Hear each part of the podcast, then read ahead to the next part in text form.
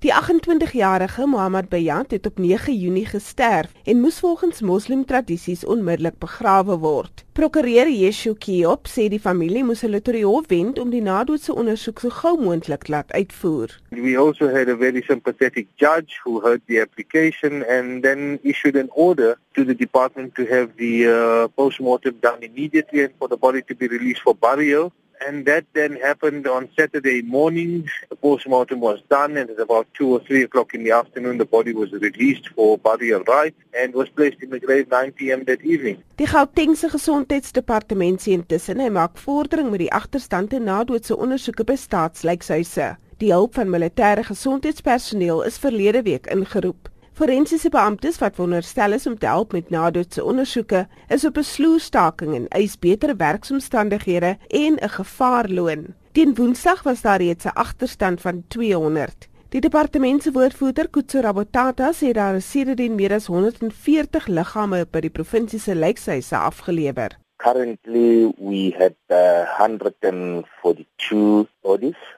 that were admitted in our mortuaries and already from the day that we started doing these autopsies with the assistance of the military health services personnel, we had done 83 postmortems. Volgens Rabotata het samesprekings met die werkers op 'n dooie punt uitgeloop. Hy sê die departement sal die week onderhandelinge met werkers voortsit. Maar die DA in Gauteng glo dat 'n dringende hofbevel teen die stakende werkers verkry moet word omdat hulle optrede onwettig is. Die party sê die forensiese assistente het geen respek vir die oorledenes of hulle familie nie. Jack Bloem van die DA sê die Gautengse premier moet intree. I think it's appalling that uh, the Gauteng provincial government has handled this so badly. We've heard very little from the Premier David Makura. I think he needs to step in to provide security. And I think they need a court order to force the forensic assistants to work because I have discovered that it is within their